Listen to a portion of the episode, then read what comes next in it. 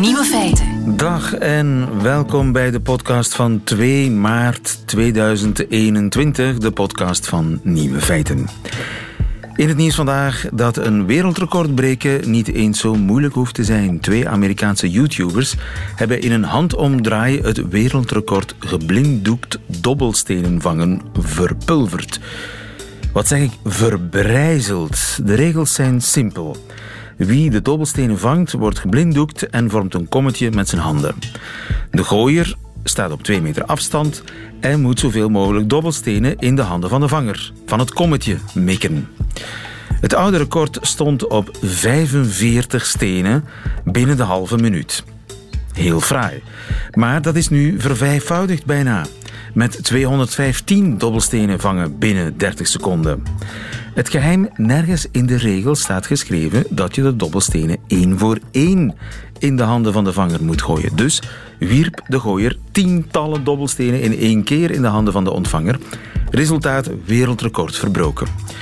Inderdaad, de lockdown die doet wat met een mens. De andere nieuwe feiten vandaag. De golfstroom die is aan het vertragen. Paddo's kunnen helpen tegen hardnekkige depressie. De Oostenrijkers mogen gratis sneltests gaan afhalen bij de apotheker. En waarom schuim verdwijnt, is nu eindelijk onderzocht. De nieuwe feiten van Eva Moeraert, die hoort u in haar middagjournaal. Veel plezier. Nieuwe feiten. Ja, wij hebben twee wapens uh, tegen corona. Thuisblijven en afstand houden. In afwachting van de vaccins die maar niet komen. Maar er is nog een derde weg. En die derde weg, die proberen ze in Oostenrijk. Met zelftests. Michael de Wert, goedemiddag. Goedemiddag. Onze man in uh, Oostenrijk.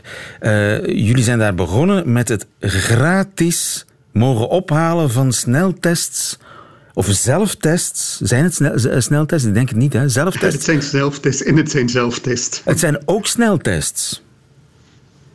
Ja, ja, het is zo dat het resultaat binnen 20 minuten bekend zou moeten zijn. Het is een zogenaamde antigeentest. Dus de betrouwbaarheid is natuurlijk minder dan bij uh, andere tests. Maar de mensen kunnen het gewoon zelf doen met een staafje in de neus. Uh, aantippen en 20 minuten wachten en dan heb je het resultaat. Uh, het is niet helemaal betrouwbaar, maar het geeft toch wel een zekere ja, houvast of mensen zich al dan niet hebben aangestoken met het virus. Ja, betrouwbaarheid is niet helemaal dezelfde als bij de klassieke PCR-test. Belangrijk daarbij is, is om te weten of, de, of, of vals positieve testen dat is minder erg dan vals negatieve testen natuurlijk. Hè. Zijn het vooral vals positieve testen? Die het, als het valse testresultaten zijn, zijn ze vooral vals positief of vals negatief? Weten we dat? Toch. Um, ik ben geen expert. Ik dacht dat het eigenlijk eerder is dat het vals negatief zou kunnen zijn wanneer mensen zich in de laatste tijd hebben aangestoken. Maar desondanks blijft toch het feit dat de betrouwbaarheid, ja, is een zekere betrouwbaarheid zou ik maar zeggen. Ja, en waar vind ik die uh, gratis sneltests? Nee, het is zo dat ze in de apotheek in heel Oostenrijk worden aangeboden, dus verdeeld worden. Of echt alle apotheken zullen hebben, is een beetje onduidelijk. Er waren blijkbaar wat problemen met de levering, wat natuurlijk niet zo verrassend is bij zo'n enorme aantallen. En het is dus zo dat elke persoon bij de 15 per maand vijf gratis tests kan krijgen. Er zijn wel wat beperkingen. De mensen moeten een elektronische ziekenfondskaart hebben. Ze moeten dus ook bij het ziekenfonds zijn. En bepaalde groepen zijn ook uitgesloten, zoals zelfstandigen. Ik kan er blijkbaar dus geen gratis test krijgen. Zelfstandigen zijn uitgesloten. Aangekondigd Waar is dat voor? Ja, dat bepaalde uh, ziekenfondsen. Je hebt een hele rijksfonds ziekenfonds in Oostenrijk. En ik, ik, had begrepen dat zelfstandigen daar niet onder vielen. Ik zou het nog even na moeten trekken. Er is wel aangekondigd dat die beperkingen zullen vallen. Dus dat het in de toekomst ook voor alle mensen, zelfs wanneer ze geen elektronische kaart hebben, dat ze die test kunnen krijgen. Ja. Maar momenteel is natuurlijk de vraag van ja, hoe groot is de voorraad? Uh, dat zal natuurlijk ook bepalen hoeveel je er uiteindelijk zal kunnen krijgen. Normaal gezien kun je er vijf krijgen gratis bij de apotheker. Wat is de bedoeling daarvan? Nou ja, uh, het is eigenlijk vooral de eigen zekerheid. Het, uh, dat, dat mensen zelf merken of ze eventueel besmet zijn en dat ze zelf maatregelen kunnen nemen. In principe kunnen de mensen er niet al te veel mee doen. Het is dus geen officiële test dat, dat mensen ergens naartoe moeten gaan. En in Oostenrijk is dat tegenwoordig toch belangrijk geworden. Als je tegenwoordig naar de kapper gaat of een andere dienst zoals een masseur uh, uh, wilt gebruiken, dan heb je een test nodig. En met die zelftest gaat het niet. Dus als mensen het daarvoor willen gebruiken, moeten ze nog steeds een officiële test doen. Dus alleen maar wanneer mensen ja, kennis of familie bezoeken, dat ze misschien toch iets meer zekerheid hebben dat ze niet, dat ze niet kunnen aansteken. Dus het is eigenlijk alleen met het gevoel dat mensen hebben dat ze negatief zijn en niet aanstekend zijn. Dus het is een drempelverlaging om uh, jezelf te laten testen. Maar dus je hebt al een, een testbewijs nodig als je naar de kapper wil. Dat klopt inderdaad. Waar de kappers natuurlijk niet al te enthousiast over zijn. Want ja, ze zijn weer open. Dat is een groot voordeel sinds een paar weken. Maar de aandrang van de mensen is toch een stuk geringer. Omdat ja, het is lastig om een test te doen. En veel mensen vinden dat moeilijk. Ook omdat ze zich eh, via het internet moeten aanmelden. Dus ideaal functioneert het daarbij ook niet. Ja, en hoe lang geldt zo'n testbewijs? Ik bedoel, uh, ik neem aan dat je geen testbewijs van drie weken geleden kan uh, tevoorschijn halen voor je naar de kapper kan. Want ja, er kan veel gebeurd zijn op die drie Ja, hij zou 48 uur oud uh, uiterlijk mogen zijn. Dus hij moet dus binnen twee dagen, binnen twee dagen zou je naar de kapper moeten gaan wanneer hij die test gedaan heeft. En zijn er zo nog dingen waar je naartoe kunt met alleen dat testbewijs? Uh, voorlopig nog niet, omdat er nog heel veel dingen dicht zijn. Er is natuurlijk over gesproken of het misschien bij uh, het toneel, bij theaters het geval zou kunnen zijn, of bij het openbaar vervoer.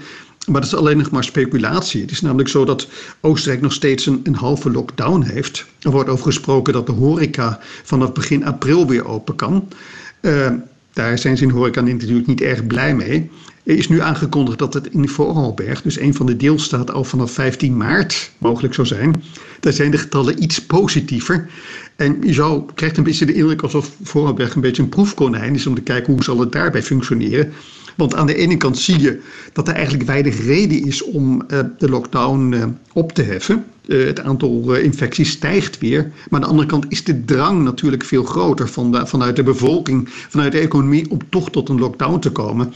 Eigenlijk een beetje het, het grote dilemma waar regeringen in de hele wereld voor staan. Ja, maar die derde weg, hè, met allerlei testbewijzen en gratis testen en sneltests te krijgen bij de apotheek, zou daar een manier kunnen zijn om ja, horeca bijvoorbeeld sneller open te, te laten gaan als je dan met, met van die testbewijzen werkt. Wordt daaraan gedacht in Oostenrijk? Nou ja, ik dacht niet dat het de bedoeling was dat die, die zelftest daarvoor gebruikt zou, zouden kunnen maken. Want ja, hoe zou je dat moeten hoe zou je dat moeten bewijzen dat je zo'n test gedaan hebt? Dus wanneer het eh, tot een opening van de horeca zou komen met een testbewijs, dan zullen het toch wel die, die officiële tests zijn. Uh, het is een beetje een, een uh, maatregel waarvan mensen hopen dat het iets zal bewerken. Maar dat het uh, de ideale oplossing is, dat gelooft waarschijnlijk toch ook weer niemand in Oostenrijk.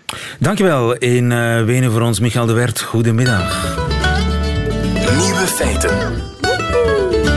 Er zijn uh, vier dokters die in uh, Engeland met een illegale harddrug door de straten mogen wandelen.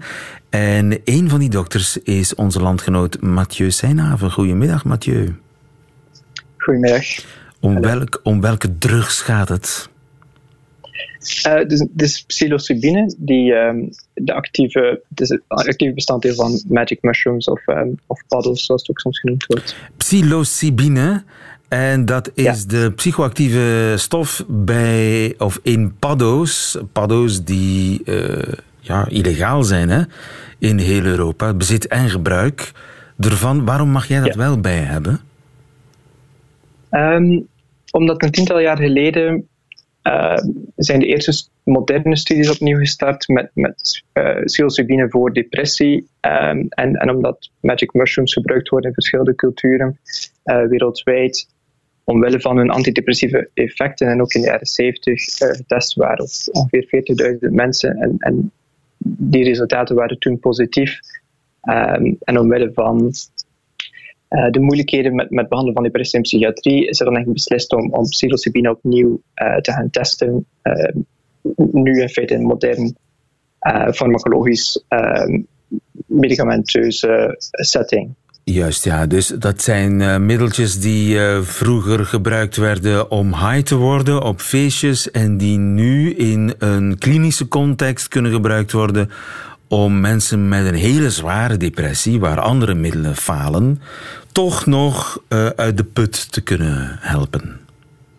Ja, dus in onderzoeksfase. Dus dat is in feite wat er momenteel onderzocht wordt. Um, het is nu in fase 2 de voorlopige resultaten zijn positief, maar dat is in feite wat dat we momenteel aan het testen zijn, of dat, dat klopt of niet. Dus en dat zijn, rond, dat eh, zijn mensen die absoluut uh, immuun zijn voor de courante antidepressiva?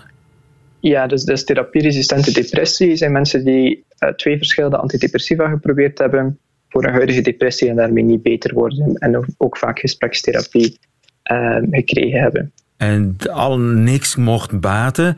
En nu zijn de resultaten wel positief. Kan je daar iets meer over vertellen? Ja, hoe, dus positief? Eerst wat ik. Hoe positief? Eh, voorlopige resultaten zijn vier keer beter dan de resultaten met antidepressiva. Um, maar dat zijn nog heel kleine studies. Er zijn nu 117 mensen uh, wereldwijd. En in de studie die wij nu aan het doen zijn 216, maar die studie uh, is de volgende fase in feite.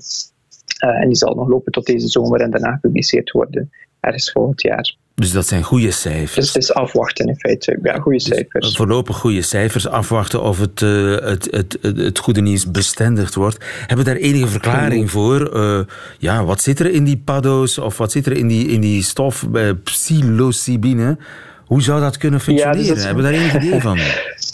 Wel, we weten het wel een beetje, want um, dat is natuurlijk een, een, psychedelische stof. Dus mensen, wanneer ze bij ons komen, krijgen een voorbereiding van uh, vier tot zes weken met therapeuten. Dan komen ze op de dag van een, een um, dosing session komen ze naar het ziekenhuis uh, en krijgen dan die stof s ochtends. Ze hebben zes uur lang een soort, um, je kunt bijna zeggen, dagdroombewuste droom, uh, psychedelische ervaring waarin er van alles naar boven komt, vaak traumatische herinneringen, um, dingen uit de kindertijd of, of dingen die mensen dan in een nieuw daglicht kunnen zien. Um, en dan hebben ze nog zes weken waarbij dat ze um, met ons medisch team en therapeuten geholpen worden om in feite die ervaringen te verwerken en ook veranderingen in hun leven te implementeren. Dus, en, en dat is feite de combinatie van, van hoe, dat het, um, hoe dat wij denken dat het werkt en hoe dat ook moet gebruikt worden. Maar zou je kunnen zeggen dat ze in, in, in het ziekenhuis dan gaan hallucineren onder invloed van die stof? En dat die hallucinaties dan mhm. therapeutisch gebruikt worden? Ja, dat is het idee. Um, het is ook zo dat er op neurologisch vlak een plasticiteit ontstaat, waarbij dat de hersenen, zeggen altijd, mensen komen al vast te zitten in hun patronen. Die hersenen um, worden half vloeibaar, hoor ik u dat nu zeggen? Wel, die hersenen worden wat meer ja, plastisch, dus wat meer um, open tot andere perspectieven um, en, en tot het soort herevalueren van bepaalde patronen um, en bepaalde ja, soort aannames of, of assumpties over zichzelf, de wereld. Oké, dus het is iets wat tegelijkertijd op neurologisch vlak inwerkt, maar waar je de gesprekstherapie zijn voordeel mee kan Absoluut. doen. Absoluut. Ja, en dat is eigenlijk wat, wat uniek is, uh, denk ik, aan deze behandeling, is dat het biologische en, en, en het uh, psychotherapeutische, die in psychiatrie vaak twee verschillende uh, dingen traditioneel waren, echt wel samenbrengt. het, het ene effect bij ons kan niet bestaan zonder het, het andere in feite. Het doet me een beetje denken in, aan, dit, in dit therapiemodel. aan andere experimenten die op dit moment bezig zijn, waar we het eerder deze week of vorige week eh, over hadden in uh, Nieuwe Feiten. Uh, een, een neusspray die in de maak is, of die zelfs al op, op de markt is, met ketamine. Ja, voor ketamine. Ja, is dat een vergelijkbare dus, studie, of een vergelijkbare behandeling? Um, ja, maar ketamine is geen uh, psychedelische stof, maar een dissociatieve stof. Dus de, de ervaring op ketamine is anders, maar effectief, hier in Engeland is het al uh, op de markt voor depressie. Uh, zowel klassieke ketamine als de, de door Janssen Pharmaceutica ge, ge, ge, um, gebrande um, neusspray. Neusspray, ja. ja. Goed, uh, dus dat, betekent toch dat er vaart zit achter nieuwe methoden om mensen die niet meer te redden zijn met de klassieke methodes, uh, die mensen met een depressie, om die toch nog te helpen.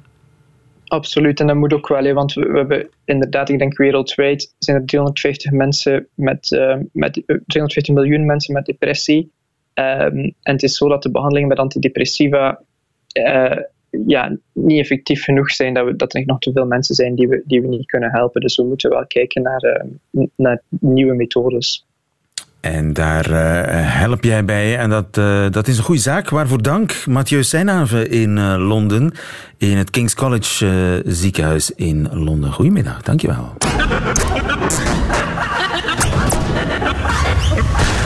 Nieuwe feiten. Wat zouden we zijn zonder de wetenschap? Eindelijk heeft de wetenschap nu ook een antwoord gevonden op een vraag die u en ik al ja, jarenlang, misschien zelfs levenslang uh, ons kwelt, die vraag. De vraag namelijk waarom badschuim zo snel verdwijnt. Goedemiddag, Dirk van Dijk. Goedemiddag, leven. In Japan, je bent uh, professor fysica aan de Universiteit van uh, Antwerpen. In Japan is uh, onderzocht hoe schuim verdwijnt. Dat wisten we dus kennelijk nog niet. Nee, nee, dat is blijkbaar een heel complex fysisch probleem. Uh, het is het, uh, men merkt dat, dat, als er belletjes in schuim openspatten, dat dat een collectief proces is. Dat er dan plots andere bubbeltjes mee openspatten. En men wil dat echt begrijpen. Uh, zelf zegt, wij kennen het badschuim. En in een wasmachine wil, mag het schuim, moet er detergent zijn om het vuil los te weken, maar het mag niet te veel zijn, want anders heb je te veel schuim. Maar er zijn ook andere problemen. Er is heel wat schuim van verpakkingsmateriaal dat dobbert op oceanen. Moest men dat schuim kunnen behandelen zodanig dat dat biodegradeerbaar is, dan verdwijnt dat. Bijvoorbeeld de brandweer gebruikt schuim om branden te blussen. Daar mag het niet te snel verdwijnen en dergelijke. Dus schuim is inderdaad een heel belangrijk uh, industrieel probleem. En hoe hebben ze dat en, aangepakt? Ze hebben met twee, twee glazen platen ja, ze hebben dat heel knap gedaan. Ze hebben ten eerste uh, tussen twee glazen platen die dicht bij elkaar zaten schuim gebracht. En dan krijgen die belletjes die krijgen een soort honingraadvorm. Hè. Dat zijn allemaal kleine celletjes. En waar die bij elkaar komen zijn er altijd drie wanden die een ribbe vormen. Zo'n beetje gelijk de wand van een, van een kamer. Hè. Dan krijg je dus een ribbe. En merkwaardig, de meeste mensen weten misschien niet, die zijn heel bekend genoemd naar een Belg. Ah, ja? Dat noemde plateauborders. In België was er een heel bekende wetenschapper. Die wanden van die bubbels, dat zijn ja, absoluut, plateauborders. De PB's worden PB. In dat artikel dat ik gelezen heb, dat is een artikel in, in het tijdschrift... Waar het gepubliceerd is, daar wordt dat de PB's genoemd. Dat zijn de plateauborders. Dus Joseph Plateau, die leefde van 1801 tot 1883, die heeft gedosseerd aan de Universiteit van Gent. Ah ja, tuurlijk. Eerst, Vandaar de Plateauprijzen en het gebouw de, de, in de, in de ja, Jozef Plateaustraat. Inderdaad, Plateaustraat. En de Plateauprijs was voor cinematografie, want hij heeft ook de cinematograaf ontdekt. Hè. Dus hij heeft ook de werking van het oog bestudeerd en een schitterende man. Even zeggen, heeft hij het laatste wijsbegeerte gedaan en dan, een beetje vooruitlopend op het huidige stem heeft hem dan fysica en wiskunde gaan doen. Dat vonden we veel interessanter. Homo universale, als ja, het ware. zo is het. Hè. Maar goed, dus en die ribben, dat zijn plateauborders, die, die Inderdaad. Ja, maar nu wat gebeurt er? Zolang er drie wanden zijn die, die, hè, die dat, zolang dat er een soort snaar is tussen drie wanden, is die stabiel. Dus gelijk een, een tafel met drie poten, die, die wankelt niet. Stel nu dat er één van die wanden uh, plots uh, beschadigd wordt, er komt een krak in, dan verdwijnt die. Dus al, al het water in die, hè, in die celwand wordt eigenlijk gecatapulteerd naar die rand. Die wordt aangetrokken door die rand. Ja. En die rand op dit moment is niet meer stabiel, want er zijn maar twee hechtingen meer en die kan vibreren. Dat heeft ook een naam. Dus dat hoeft men de vertical, uh, ik heb het hier ergens op, de released vertical plateau borders. De released, losgelaten, verticale plateauranden. Hè? Ja. Goed, nu die kan trillen en dus de, het water dat in die wand zat, kletst, wordt eigenlijk geprojecteerd op die rand en die begint heel sterk te trillen. En in het begin is dat water zo'n beetje over die rand verspreid, maar door het trillen hoopt dat water zich op naar het midden van die snaar. Dat is logisch, als je een snaar hebt, dan, eh, dan, dan gaat de, de, de, de massa naar het midden van die snaar. En daar vormt zich een bubbel, een, een druppel. En door de hoge snelheid wordt die druppel weggecatapulteerd. Gelijk een schot, die vliegt los door, de, door dat schuim tot hij de volgende rand kapot schiet. Op en daar begint dat proces. Dat is een kettingreactie natuurlijk. Inderdaad, een kettingreactie. En dat is de reden dat men dus die collectief bubbelcollaps heeft. En, uh, ja, dus, en natuurlijk, uh, ze hebben dat niet alleen tussen twee platen gedaan, ze hebben ook een camera gebruikt die 100.000 beelden per seconde kan maken. Hè. Want dat is een enorm snel proces. Dat grijpt plaats in fracties van een milliseconde. En men heeft dat nu beeldje per beeldje kunnen opnemen. En dan zie je echt wat, dat, dat staat ook in het artikel, dan kan je ook zien wat er echt gebeurt. Hè. Hoe dat, die, dat vlies scheurt, al dat water wordt dan op die rand geprojecteerd. Die rand wordt nat, die begint te trillen. Dat water hoopt zich op op het midden van die rand. En dan op het moment dat het voldoende groot bultje water is, vliegt het weg door de snelheid en vliegt tegen de volgende wand. Ja. Dat is het proces. En dan ontstaat er inderdaad een soort van sneeuwbaleffect. Sneeuwbaleffect, dus hoe meer druppeltjes, hoe meer en zo uh, in geen tijd is het uh, badschuim verdwenen. Juist, zo is het. En, uh, en kun je dat nu, als je nu weet nu, hoe dat werkt, kun je die druppelvorming op de een of andere manier tegengaan? Ja, ik denk, ik denk dat nu zo gaan denken. Eerst is het begrijpen. In de wetenschap altijd, de mensen vragen wat kun je ermee doen. Maar het, het eerste is het begrijpen. Zodat men het begreep heeft. En er bestaan, bestonden theorieën over. Maar nu, nu uiteindelijk kent men dan ook de formules, men kan het ook meten. En nu gaan we nadenken, kunnen we zo geen detergent ontwikkelen dat bijvoorbeeld de druppelvorming tegenhoudt, dat er, of de druppeltjes te klein blijven, dat die niet wegkrassen bijvoorbeeld, als men, het, als men het, schuim stabiel wil houden. Maar het zou kunnen dat men het schuim wil afbouwen. Dat men liever wel druppels heeft, hè? dus een boot. Of dat men iets inbouwt dat de druppelvorming maar na een zekere tijd beïnvloedt. Denk aan biodegradatie degradeerbare dingen. Ik ben nu wat aan het fantaseren, maar wetenschap is voor een belangrijk stuk fantaseren. Uh, en het controleren van de eigenschappen van schuim, dat is wat men uiteindelijk hiermee beoogt. Ja. En wat dan gebeurt is natuurlijk, als die onderzoekers dat brood inzien, nemen ze daar een patent op enzovoort. En dan starten ze daar een start-up bedrijfje over. Zo, zo, gaat het gewoon. Ja, schuim dat blijft staan. Misschien komt dat er ooit nog wel aan uh, dankzij dit onderzoek. Dirk van Dijk, dankjewel. Zo is het leven. Bedankt. Goeiedag.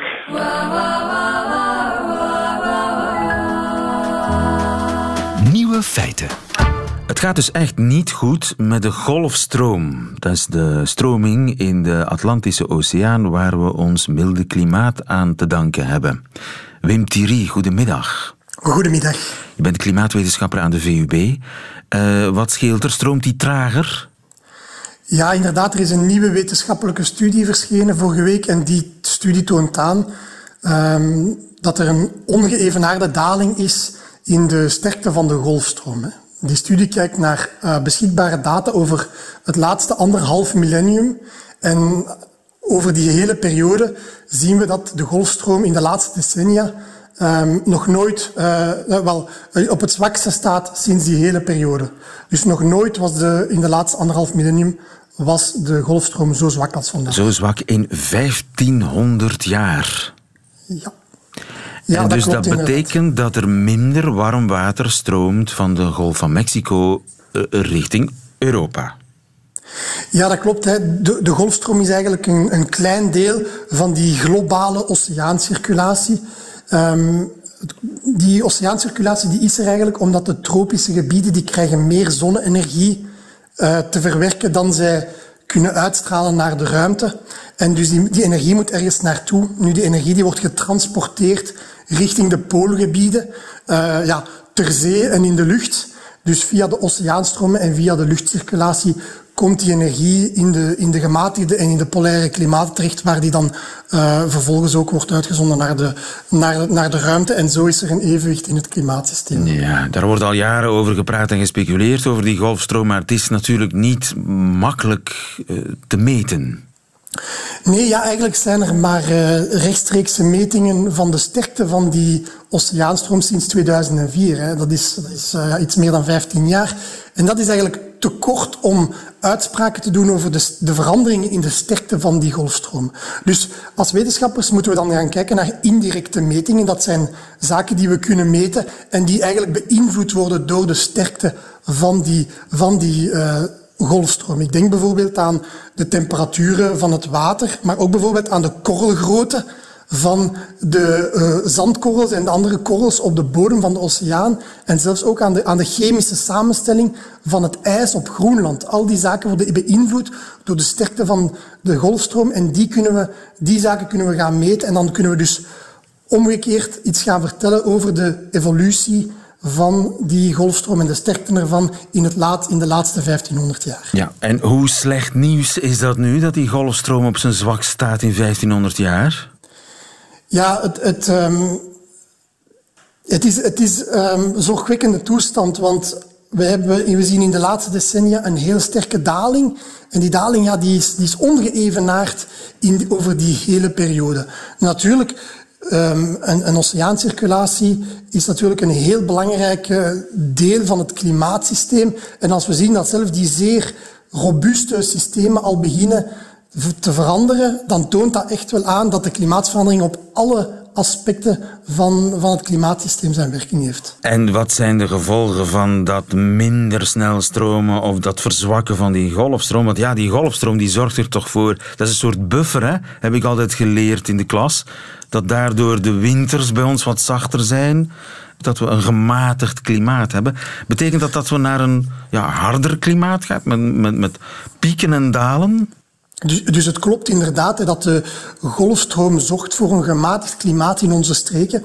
Als we bijvoorbeeld kijken naar gebieden in Noord-Amerika die op dezelfde breedtegraad liggen, even ver verwijderd van de evenaar als wij, dan zijn we eigenlijk al diep in Canada. En dan zien we dat de, zeker ook de winters daar een, een heel stuk kouder zijn dan, dan bij ons. En dat komt voor een stuk door die gematigde uh, die matigende werking van die golfstroom. Dus die golfstroom die gaat eigenlijk die warme waters richting Europa transporteren, waardoor dat het bij ons minder koud wordt in de winter. Ja. Nu, die golfstroom die, die, neemt, die neemt af, die is al met 15% afgenomen in, in kracht sinds 1950. En onze computermodellen, onze klimaatmodellen, die voorspellen dat tegen het eind van deze eeuw er een verdere daling uh, kan zijn met ja, um, tussen de 30 en 45 procent, afhankelijk van hoeveel CO2 we gaan uitstoten. Dat brengt ons, ja. Wat betekent dat tegen het einde van deze eeuw? Een quasi-halvering van de golfstroom? Dan gaan, ze, dan dus gaan ze bibberen in, uh, in Scandinavië. Dus die, die, er zijn twee zaken. Ten eerste, als we kijken naar Europa, eh, dan zien we dat al onze klimaatmodellen voorspellen dat we gaan blijven uh, dat, dat de opwarming zich zal verder zetten in Europa in de komende decennia in deze eeuw. Zowel gemiddelde als koude als warme extreme. Dus ook al, ver, ook al verzwakt de golfstroom, dat betekent niet, dat neemt niet weg dat het bij ons zal blijven opwarmen. Maar waar, waar het, waarom dit wel belangrijk is, is dat er een risico bestaat dat op een bepaald ogenblik de golfstroom en, en die circulatie instort. En spreken we, wij spreken van kantelpunten in het klimaatsysteem. Dus als zo'n kantelpunt overschreden wordt, dan, kan, dan kunnen er ja, verstrekkende gevolgen zijn voor het klimaat. Op, uh, op, op wereldschaal ook, als zo'n oceaanpomp stilvalt. En naarmate de opwarming zich verder eh, in de volgende decennia zich verder doortrekt, gaat die oceaan, die golfstroom verder verzwakken en gaat het risico op zo'n ineenstorting toenemen. Ja. Dus we verwachten, niet dat, we verwachten geen ineenstorting van, deze, van, van de golfstroom in, in deze eeuw, maar hoe sterker de opwarming zich doorzet, hoe groter het risico op zo'n ineenstorting wordt in de, in de komende eeuwen. Ja. En wat daar de gevolgen van zijn, daar durven we niet eens over na te denken. Hè? Dat, dat kan alle kanten op gaan. Ja, inderdaad, dat, dat zou verstrekkende gevolgen hebben op, op het hele systeem, klimaatsysteem wereldwijd. Er zijn ook theorieën die zeggen dat één kantelpunt een ander kantelpunt in werking kan, zeggen, kan zetten. Maar wat ik wil, wens te benadrukken en wat belangrijk is hier in deze context is dat, en dat toont onze wetenschap heel duidelijk aan, is dat we dit perfect kunnen gaan vermijden. En we kunnen dat vermijden door binnen de grenzen van het Parijsakkoord te blijven. Want als we onze uitstoot uh, reduceren en we blijven binnen die anderhalve graad doelstelling, dan wordt de kans op het overschrijden van zo'n kantelpunten zeer, zeer klein. Aha. Dus wij hebben het zelf in handen. En we kunnen, we kunnen dit nog absoluut zelf gaan vermijden als we, ons, als we erin slagen van binnen de grenzen van het Parijsakkoord te blijven. En dat is toch wel uh, hoopvol. En ja, dat betekent hoe belangrijk dat uh, uh, Parijsakkoord wel niet is. Wim Thierry, dankjewel. Goedemiddag. Dank u. Dat waren ze, de nieuwe feiten van 2 maart 2021. Alleen nog het middagjournaal krijgt u van Eva Moeraert. Nieuwe feiten. Middagjournaal. Een van mijn beste vriendinnen is meer dan een jaar geleden verhuisd van Brussel naar Marrakesh. Ze koos voor de liefde en het avontuur en ik vond dat ze groot gelijk had. En meteen plande ik ook een trip naar daar, naar Marrakesh, in april 2020, want dan werden we allebei veertig. Maar ik moet je het niet vertellen, hè. dat virus stak er een stokje voor. En zo kusten en troosten we elkaar via Zoom die week in april. Een van mijn beste vriendinnen is meer dan een jaar geleden verhuisd van Brussel naar Marrakesh. En ze nam haar pasgeboren zoontje mee naar daar. Ik vond dat ze groot gelijk had. Ik zou die week in april met plezier op hem babysitten, zodat zij iets leuk kon doen met haar man. Maar nu, nu zie ik enkel op Instagram hoe haar zoontje al kan stappen ondertussen. En ziet zij op WhatsApp dat die oudste zoon van mij mij aan het inhalen is qua lengte. Een van mijn beste vriendinnen is meer dan een jaar geleden verhuisd van Brussel naar Marrakesh.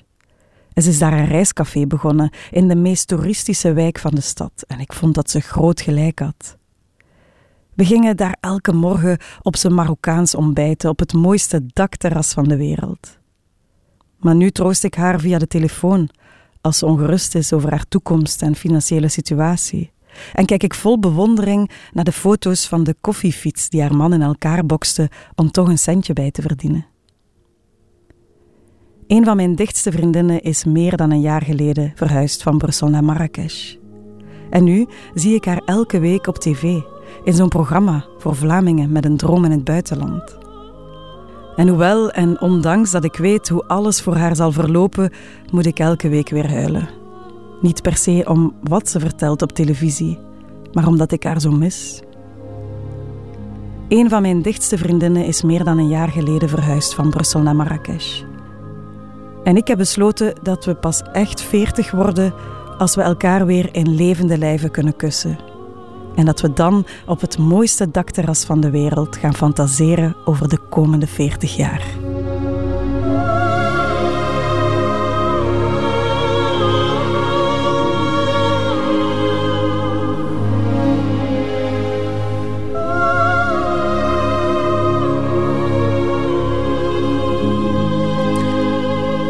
Eva Moeraert in het middagjournaal. Einde van deze podcast. Hoort u liever de volledige uitzending van Nieuwe Feiten? Dat kan natuurlijk ook via radio1.be of via de Radio 1 app. Daar vindt u overigens nog veel meer fijne podcasts. Tot een volgende keer.